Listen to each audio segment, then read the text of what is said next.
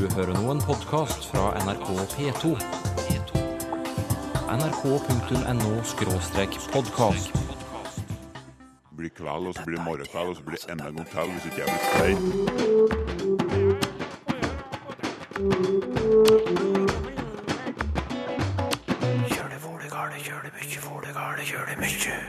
I teatret og på teater, hva er forskjellen?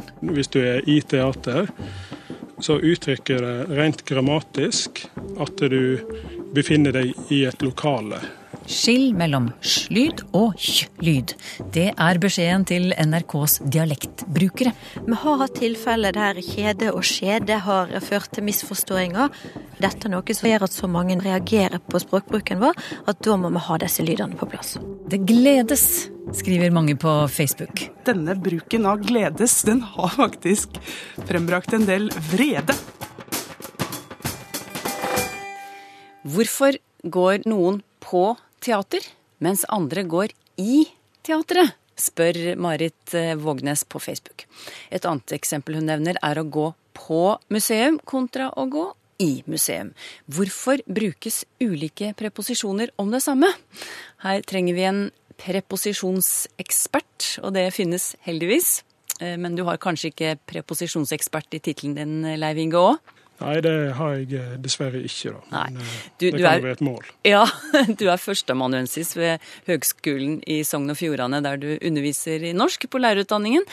Men så har du også jobbet flere årsverk med å beskrive preposisjoner i norsk ordbok. Du bare sånn, for eksempel, hvor lang tid brukte du på preposisjonen på? Husker du det? Nei, det var et, et halvt års tid. Ja, det, det står det respekt av. Så da er du rette mannen for oss. Eh, Når vi snakker om teater og museer og kafeer og busser osv., hvordan bruker vi i hovedsak preposisjonene på og i? Ja, det er jo sånn at vi kan jo eh, veksle mellom disse to. Og de har eh, De uttrykker rent grammatisk litt forskjellige ting.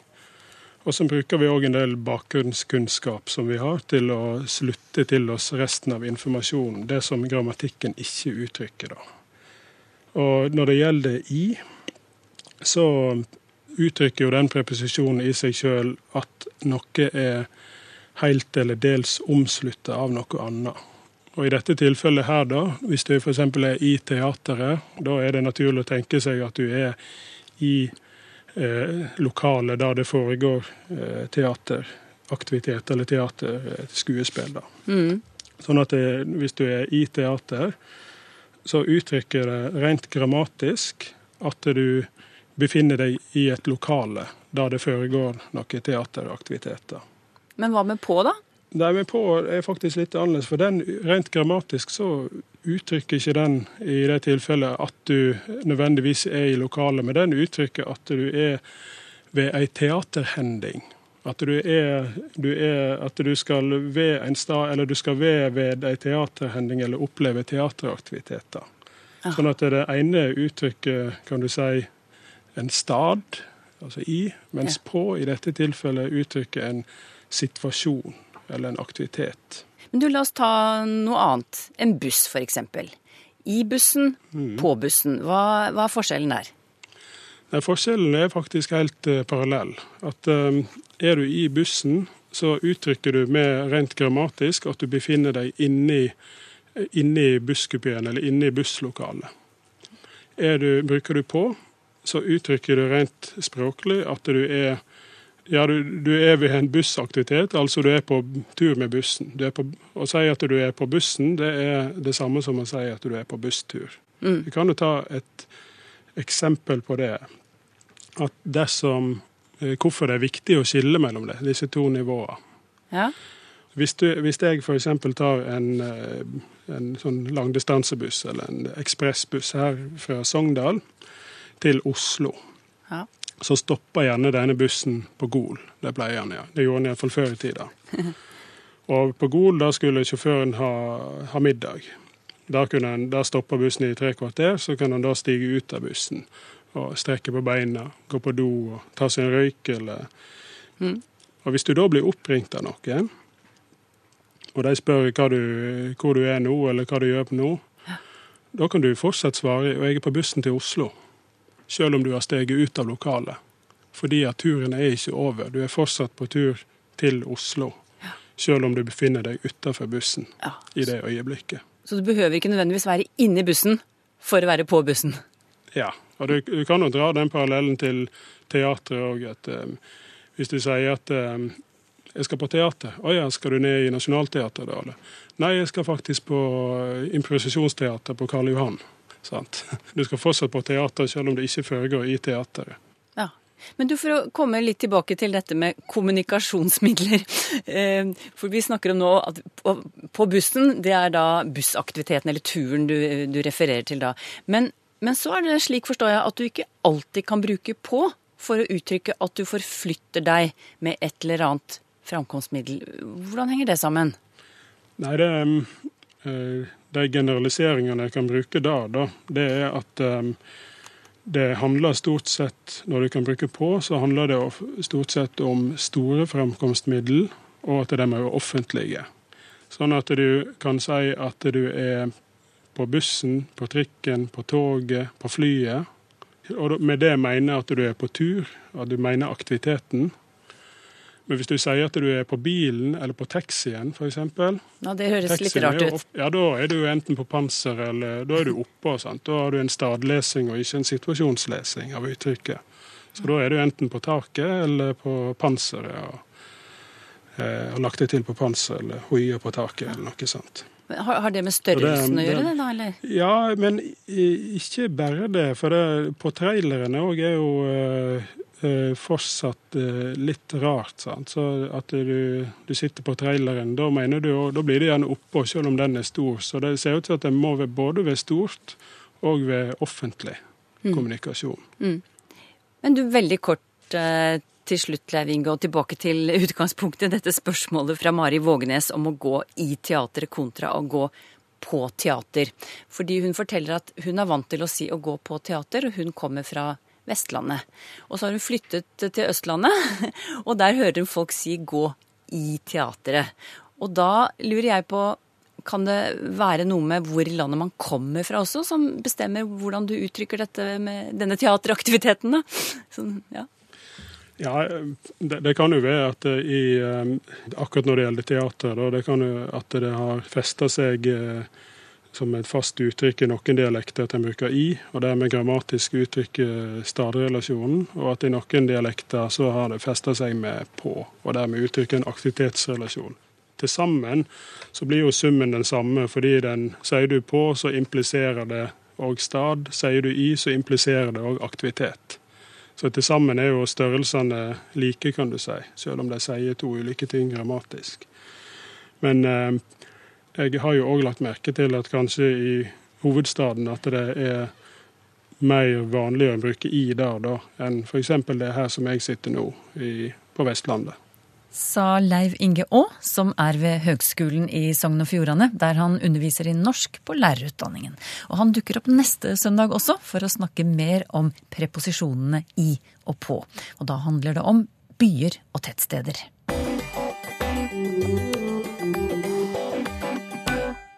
Mange her i NRK ønsker å bruke dialekten sin på lufta.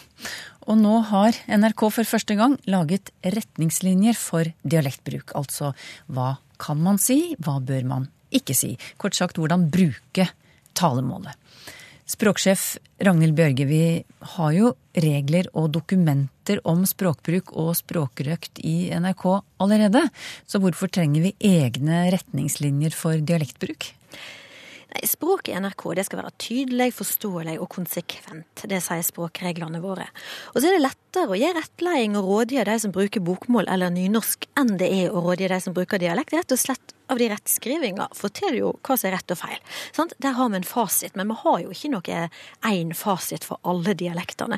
Så derfor har mange etterlyst noe håndfast å rettleie dialektbrukere etter. Og så er det mange dialektbrukere som har etterlyst noe håndfast som forteller hva som er venta av de som dialektbrukere. Så med dette dokumentet eller disse retningslinjene så håper vi at vi har greid å få på plass dette rette, sånn at forventningene er på plass. Du, dette vedtok disse retningslinjene for dialektbruk i NRK ble vedtatt i sommer, og så innførte det NRK dem nå i, i høst.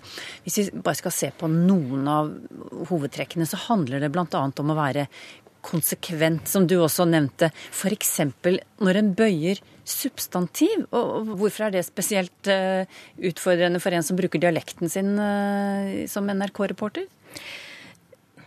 Det er jo ofte sånn at uh, substantiver har valfrie valgfrie kjønn. Og ofte er det jo sånn at i en dialekt så kan du ha ett kjønn uh, når du snakker dialekt, og så i skrift så velger du et annet. Og av og til så er jo ikke det kjønnet på et substantiv normert, sånn at det vil være feil i skrift. Og så når du blir usikker, du er på lufta, du er på direkten, det skjer ting rundt deg, så blir du usikker, og så sier du én ting som eh, kanskje er rett etter dialekter, og så, så, er det noe helt annet som, som vil være rett etter rettskrivinga. Og vi ønsker jo alltid at innenfor en sak eller innenfor et innslag, så skal en bruker samme formene. Sant? Hvis ikke så ser en på tilbakemeldingene en får på klagene om at å, her er det en person som ikke, ikke vet hva en skal si, eller ikke klarer å, klarer å bruke språket godt. Det, det kan føre til støy og få folk til å dette av. Ja, hva mener du med støy? Nei, Hvis du begynner å tenke på andre ting enn det som vi prøver å fortelle, så blir det jo ofte støy. Eller du lurer på hvorfor i all verden sa en han røyk korsbåndet i stedet for at korsbåndet røyk. Så den type støy må vi ikke lage som gjør at folk rett og slett tenker på andre ting enn det vi vil fortelle dem. For vi vil jo formidle noe. Mm. Du, også merker jeg meg også en regel om uttale, fordi noen talemål de skiller jo ikke mellom lydene sj og hj, som f.eks. Eh, nektelsen ikke eller ikke kan uttales som isje. Eh, hos noen. Men det får ikke NRKs dialektbrukere si på lufta. Hvorfor får de ikke det? Det er veldig mange som har dette lydsammenfallet. Sant? At de eh, sier, ikke sier kjole, men kjole, som å bruke sjokoladelyden først i ordet. Eh, det er òg noe vi ser at folk reagerer veldig mye på. Eh, de som ikke har det lydsammenfallet, de reagerer på det, og de, der kan da i noen små tilfeller, eller få tilfeller, skape rett og slett misforståinger at hit og skitt uh, blir forveksla. Og det er sånn som vi må unngå, for her skal vi ikke miste lytterne. Vi har hatt tilfeller der kjede og skjede har ført til misforståinger. Uh, 20 og 7 kan ofte høres likt ut på lufta. Uh, det viktigste for oss er at folk forstår, så, men vi sier jo ikke at det kan godt hende at vi er nødt til å gjøre om på dette om fem år eller om ti år, men vi sier per i dag så er dette noe som skaper så mye støy og gjør at så mange detter av og reagerer på språkbruken vår, at da må vi ha disse lydene på plass. Du, Et eksempel til. Spørreord. Ikke alle får bruke de spørreordene de har i dialekten sin. Hva kommer det av? Spørrejord er kanskje det aller viktigste ordet journalistene har, siden vi stiller spørsmål hele tida. Og da er òg forståing viktig. Du skal vite hva du spør om, den som blir intervjua skal vite hva han blir spurt om, og den som hører på skal òg forstå det. Sånn, de fleste spørreorda de er ikke vanskelige. Men så fins det noen spørreord som blir vanskelige. Eh, høtt kan være et sånt, åheist kan være et sånt, Ko kan være et sånt ord. Og da rår vi dialektbrukerne til å normere spørreordene sine, særlig i nyhetssendingene. Bruk enten spørreorda fra bokmål eller nynorsk, eller bruk regionalt utbredde former i eh, distriktssendingene. Så at vi skal løfte oss litt opp fra kjøkkenbordet og skal være sikre på at alle som hører, oss, hører på oss, forstår hva det blir spurt om. Og da må disse ordene være på plass, og presisjonsnivået må være høyt. Men eh, med slike begrensninger som du har gitt eksempler på nå, bl.a. normering av uttale i visse sammenhenger, normering av ord som f.eks. spørreord, hva blir igjen av reporterens dialekt da? Jeg tror ikke dette blir noe problem, for vi har det er veldig lite som vi legger føringer på når alt kommer til alt. Det grammatiske systemet i dialektene det ligger jo til grunn for hvordan hver enkelt dialektbruker skal snakke. Sant? Setningsbygnaden, uttrykk, setningsmelodien, ikke minst, sant? pronomen osv. Det er jo der. Og Noen ganger så må vi uansett normere og gjøre noe valg. For mange så betyr jo det at de automatisk går til bokmål når de blir usikre på hva som er greit og ikke. Så vi stiller jo nå de samme kravene til godt språk til alle. Og men nå har vi da òg fått disse retningslinjene som sier noe om hva du skal tenke igjennom før du må gjøre disse valene, som du uansett gjør. Så for eksempel, jeg kan ta et annet eksempel. da. Du får inn ord fra engelsk, sånn som app. Så hører vi mange trøndere. De sier kanskje guttene, men 'appene'.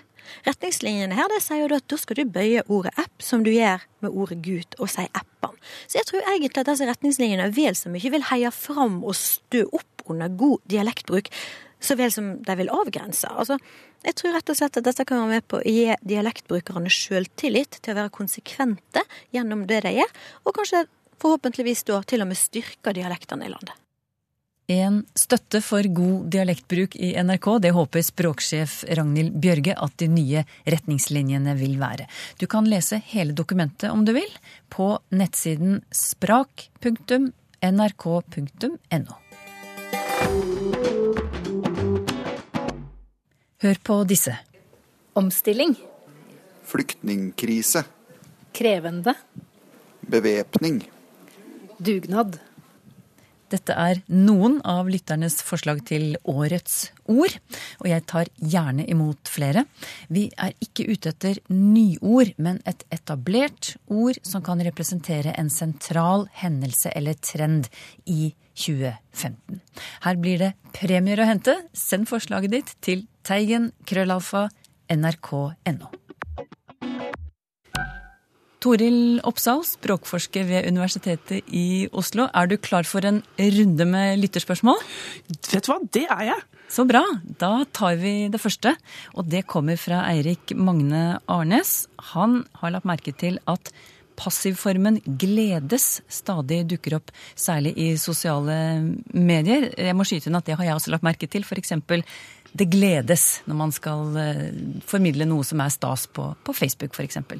Og han, eh, Eirik Magne han innbiller seg at denne bruken er av ganske ny dato. Men så sier han har jeg kanskje fulgt for dårlig med? Hva sier du? Nei, Jeg tror eh, Eirik Magne Arnes har oppdaga noe. Men relativt ny dato har han nok rett i. Fordi dette her har vært til stede ikke ja, en fem-seks års tid. Så har det i hvert fall vært liv i spaltene rundt på nettet, kan jeg si. Og denne bruken av gledes, den har faktisk frembrakt en del vrede. Eh, den dukker opp på listene over ting som irriterer meg, gjerne. Jaha. Det er jo interessant. Eh, og hvorfor det? Hm. Eh, I utgangspunktet så kan man nok finne noe støtte for denne 'det gledes' i talespråket vårt, men da kanskje særlig konsentrert til ja, der du sitter. Eh, rundt i Midt-Norge. Men det er en effektiv liten eh, måte å uttrykke seg på som passer inn i f.eks. Facebook-spalter og sånt, noe hvor folk uttrykker følelser og uttrykker hva de mener. Så der kan den ha fått fotfeste fordi den er så uhyre effektiv. Men, men, det er folk som reagerer på den. Ja, hva, hva, hva, sier folk da når de eh, reagerer? De kjenner ikke igjen formen. De lurer på hva som følger etterpå. De lurer på hva det betyr. Og, ja, hva betyr det? Eh, ja, det, det, ser jo ut til at når den dukker opp, så er det både et uttrykk for at man har det fint, og at man gleder seg. Kevin Aall noterer seg et uttrykk som han mener stadig går igjen hos politikere.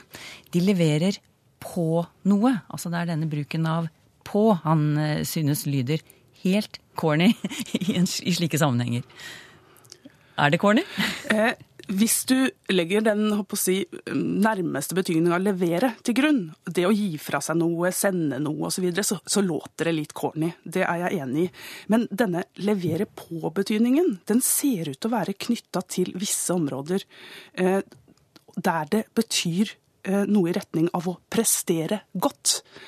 Eh, og der er det nettopp eh, Det var vel Siv Jensen som ble nevnt. Det er i politiker- og forvaltningstekster at vi finner denne bruken. At man skal levere på et område.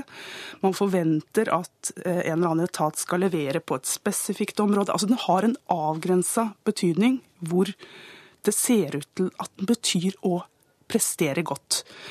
Og der kan man jo være enig i at det låter corny, men samtidig er det nå såpass utbredt at Kevin Aall reagerer.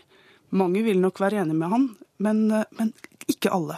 Så etter hvert så vil kanskje ikke alle reagere. Fordi du får uttrykt nettopp dette her, at det er noe evaluerende her. Du presterer noe, og du gjør det godt på et avgrensa område. Christian eh, Åsmundsen har lyst til å ta opp eh, den manglende bruken av det han kaller vanlig genitiv, og da sikter han til skriftlige formuleringer, sier han, som 'bilen til Ole' eller 'Ole sin bil', i stedet for det mer effektive 'Oles bil'. Og så spør han er det noe helt akseptert i norsk språk å bruke slike genitivsformer. Eh, svaret der er eh, ja. Men. Det, det er alltid dette, dette men. Eh, for denne Ole sin bil-varianten, den har i utgangspunktet en sterk talemålstilknytning. Dette her har vært kjent i norsk i mange mange hundre år, men i utgangspunktet så har det vært knytta til visse geografiske områder. Eh, og Ole sin bil eh, vil derfor noen reagere på som har eh, tilknytning til en sterkere skriftspråkstradisjon, og kanskje særlig til en riksmålstradisjon, der man har vært mer forsiktig med å ta inn talespråkskonstruksjoner som er geografiske. Altså en god del dialektformer har blitt ja, regna som mindre egna for skriftspråket. Eh, Så noen vil nok reagere, men de er helt, helt eh, fine i norsk. Alle de variantene. Eh, Det effektive Ole Spiel, spør eh, Christian eh, Åsmundsen. Eh, Effektiv og klarhet, det er nok eh, et mål for veldig mange språkbrukere når vi skal skrive. Eh, Men likevel eh, så har vi også et ønske om å få fram det vi vil. Og det kan kanskje være en av årsakene til at Ole sin bil og bilen til Ole er mer utbredt, som han ser ut til å tro. Det blir tydeligere, rett og slett. Denne her bitte lille S-en, den kan noen anse for å være mindre tydelig. Eh, og så har det også en ting jeg irriterer meg grønn over, er at det har jo sneket seg inn en sånn kjekk liten genitivsapostrof hos veldig mange når de skriver. Antagelig etter påvirkning fra, fra engelsk. At man står utenfor Ole apostrof s bilforretning. Den har vel du også sett? Ja, den har jeg sett. eh, så, så vi kan kanskje glede oss over at eh, Ole sin bil og bilen til Ole eh, ja, hjelper oss å unngå den. Ja. Men du, hvis jeg forstår deg riktig, altså bil, variantene bilen til Ole og Ole sin bil, i en del dialekter så er dette helt vanlig? Ikke, eh, Ole sin bil eh, er, Ole sin bil er helt, helt alminnelig. Ja. I utgangspunktet på, eh, på Vestlandet og nordover. Men nå, hos særlig yngre og yngre voksne, så er det utbredt over hele landet. Men hvis, Eh, hvis noen skulle rette noe skriftlig, eh, sitte med rødblyanten og bilen til Ole eller Ole sin bil dukker opp, er det, er det galt? Eh, Det er ikke noe galt ved det. Altså, Bilen til Ole, det å skrive det om på den måten, vil man gjøre i noen tilfeller der man ønsker å fokusere bilen. Så du kan si at den konstruksjonen blir litt annerledes. Men Ole sin bil og Oles bil kan du gjerne bruke om hverandre, med mindre du ønsker å uttrykke et mer tradisjonelt konservativt skriftspråk. Da vil du nok foretrekke Oles bil. Jon eh, Nergård spør hva det betyr å legge to pinner i kors, og hva er opprinnelsen? Han eh, har lest en eldre utgave av eventyret om Tyri hans, og der står det de viste ham veien, så kom han frem både godt og vel, der var ikke noen som lagde to stikker i kors for han en gang. Og Her ser det ut som, her ser det ut til å handle om å hindre noen eller noe, men betyr det det i dag også, vil Jo Nergård vite. Eh, opphavet til å legge to pinner i kors, det er rett og slett et korstegn som vi kan knytte til eh, ja, eldgammel folketro, eh, der eh, et korstegn beskytter deg mot ulykke. Du må rett og slett holde det vonde borte fra Ja, hvis du har eh, laga noe fint, eller malt ferdig en vegg, eller kinna smør, så kan du sette et kors der. Så holder du det vonde borte rett og slett en beskyttelse. Og disse to betydningene som Jon Nergård eh, nevner, vi har begge to. Så det betyr både å hindre noen og å hjelpe noen. Begge de mulighetene er til stede i norsk. Hvordan brukes det, hvilken, hvilken variant brukes, eller hvilken betydning brukes mest i dag? Eh, det? er nok hjelpevarianten. Det å ikke gidde å hjelpe noen, ikke gidde å legge to pinner i kors, eh, som er mest utbredt. Kittil Kittilsen Leikanger lurer på hvorfor man sier at bein er lange, men ikke at de er høye. Altså hæler på sko kan være høye, men man sier vel sjelden at hæler på sko er lange. Men så kan en person være både lang og, og høy. Eh, Kan du forklare dette, Toril? Ja, eh, og dette her handler om to ord som jeg veit at flere må klø seg litt i eh, hodet for å huske forskjellen på. Eh, Det er vertikal og horisontal. Eh, Det er altså noe som strekker seg bortover langs horisonten, utstrakt den veien, og så er det noe som er vertikalt. eh, Noe som når langt oppover. Eh, Det som går oppover, eh, det vertikale, det har en tydelig motsats. Det har en lav som motsats.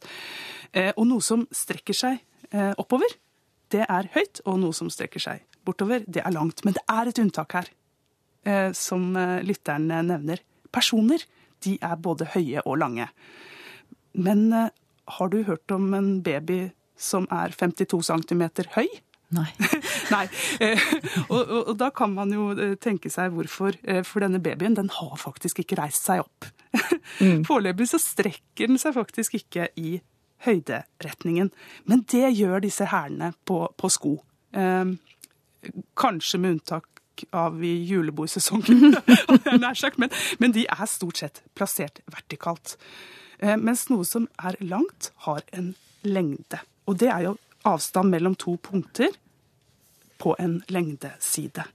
Eh, Så dette handler nok rett og slett om retning. Men, men bein på en person, altså, da tenker man seg at vedkommende ligger, da, ikke står, for da er det jo, går det jo rett opp. Eh, Det Prototypisk så kan vi jo si at de går rett opp, men de beveger seg jo. Altså, Jeg gjetter nå at du sitter. Nei, jeg står. Du står. Vet du hva, jeg sitter. Eh, Så her har vi jo et utmerket eksempel på at her er det veldig mye variasjon. Eh, Og der kan bein både strekkes, bøyes og tøyes eh, på en måte som gjør at de ikke alltid er i denne retningen oppover. Har du spørsmål til Språkteigen, skriv til teigen krøllalfa nrk.no. Eller du kan skrive til Språkteigen, NRK P2, 7005 Trondheim. Du finner oss òg på Twitter og på Facebook.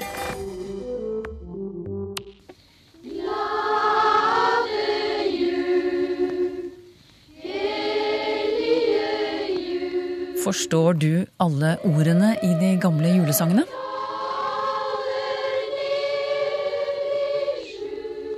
Noen julesanger har fått en mer moderne språkdrakt. Mister vi noe da? Språkteigen om en uke.